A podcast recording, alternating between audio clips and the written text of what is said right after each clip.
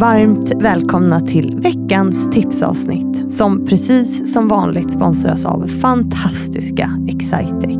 Veckans gäst är Ulrika Tornerefelt. På söndag släpps ett avsnitt med henne där vi pratar om hur man, när man är privilegierad, har ett jäkla ansvar att hjälpa andra.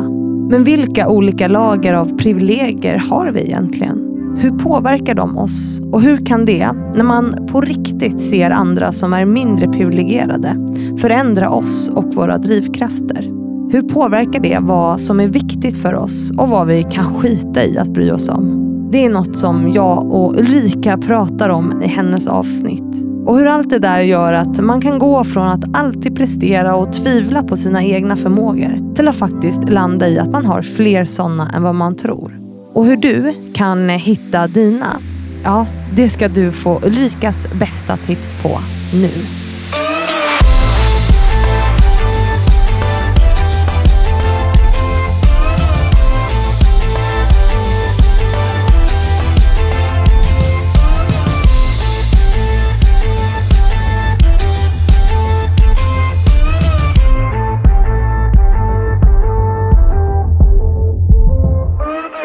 Varmt välkommen Ulrika Tornerefelt. Tack så mycket. Inte Tornefelt. Nej. nu blev du nöjd. Det är perfekt. Jajamän. perfekt. Varmt välkommen hit igen då. Ja, men tack. Vi har precis spelat in ett avsnitt om dig, men också om ditt viktiga jobb i att eh, förse Afrika med el egentligen, eller vad ska man kalla det? Ja, eller hur? Ja, Det blir hållbart elektrifiera världen. Ja. Väldigt prestigelöst. Väldigt prestigelöst, men väldigt eh, häftigt också.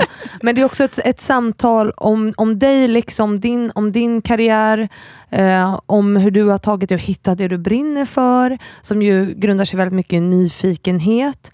Men det är också ett samtal om att så här, kanske ständigt prestera och att tvivla på sina egna förmågor lite grann och kanske inte se dem själv. Mycket Mm. på grund av sitt, ditt kön. Fick jag tolkningen att du är uppfostrad i en viss, på din tid, som vi säger, i en generation där kvinnor och tjejer kanske inte fick samma utrymme. Eh, så, eller Mm. hur? Ja. Och att du sen blev bättre på att se dina förmågor.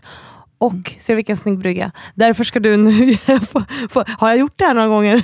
ja, det var mycket proffsigt. ja. Ja. Så därför, men du ska nu få ge tips på hur man blir bättre på att se sina förmågor. Så jag lämnar över scenen till dig. Tack.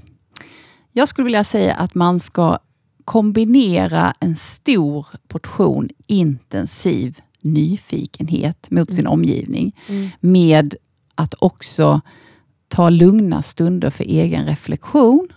Mm. Alltså i alla möten vi har varje dag, varje vecka, så finns det så mycket att lära.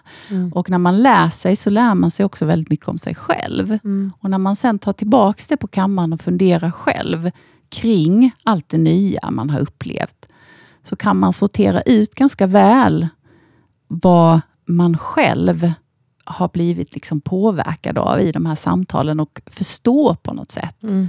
vad man skulle kunna göra skillnad med eller vad man vill göra. Mm. Så det är en grej. En grej. Nyfikenhet och reflektion. Mm. Och sen är det ju också väldigt viktigt att våga testa nya saker och utsätta sig själv, alltså gå ur sin comfort zone. Mm. För det är ett utmärkt sätt att upptäcka vad man briljerar på och vad man kör i diket. Och sen är det väldigt bra att köra i diket också, för att då, då, då blir man också lite hårdhudad och vågar gå in i ännu mer utmanande situationer. Mm. Och mitt tredje tips var naiv och prestigelös. Naiv låter ju lite konstigt. Alltså naiv till en viss gräns. Ja. För att jag tror att ofta så sätter man upp väldigt mycket begränsningar för sig själv, för att man intalar sig själv att det här är för svårt, det här är för komplext. Eh, här krävs det alldeles för mycket samverkan och här eh, är det massa saker som jag inte styr över själv.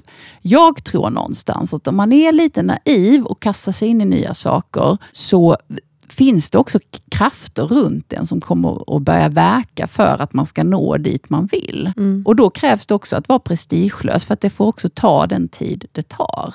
Man Mm. når inte sina mål direkt, utan man sneklar sig ofta fram till dem. Mm. Så var nyfiken, spräng dina comfort zones och fortsätt vara naiv. Absolut. Absolut. Eh, sen är du här som förebild idag.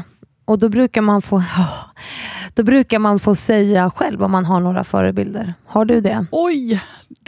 Det här skulle jag ju förberett mig på. Nej, för att det är oftast det, det spontana som hoppar upp. Det är ingen som får förbereda sig på det. Ja, men jag har en kvinna som faktiskt inte så många vet vem det är. Nej. Hon är kollega till mig. Mm. Business Development Manager på Stella. Det är lite tradigt att ta en egen kollega, men Nej, det går bra. hon, eh, hon heter Kleopatra. Oj, Fantastiskt namn. eller hur? Ja, uppvuxen i Nigeria. Ganska tuff uppväxt. Hon har gått från klarhet till klarhet och verkligen slagit mig med häpnad i så många situationer när vi har jobbat tillsammans. Så det, är en, det är en nära bekant och Mm. förebild. Häftigt. Hon kanske skulle Mm. komma hit då? Någon gång? Absolut. Hon, eh, hon är fantastisk.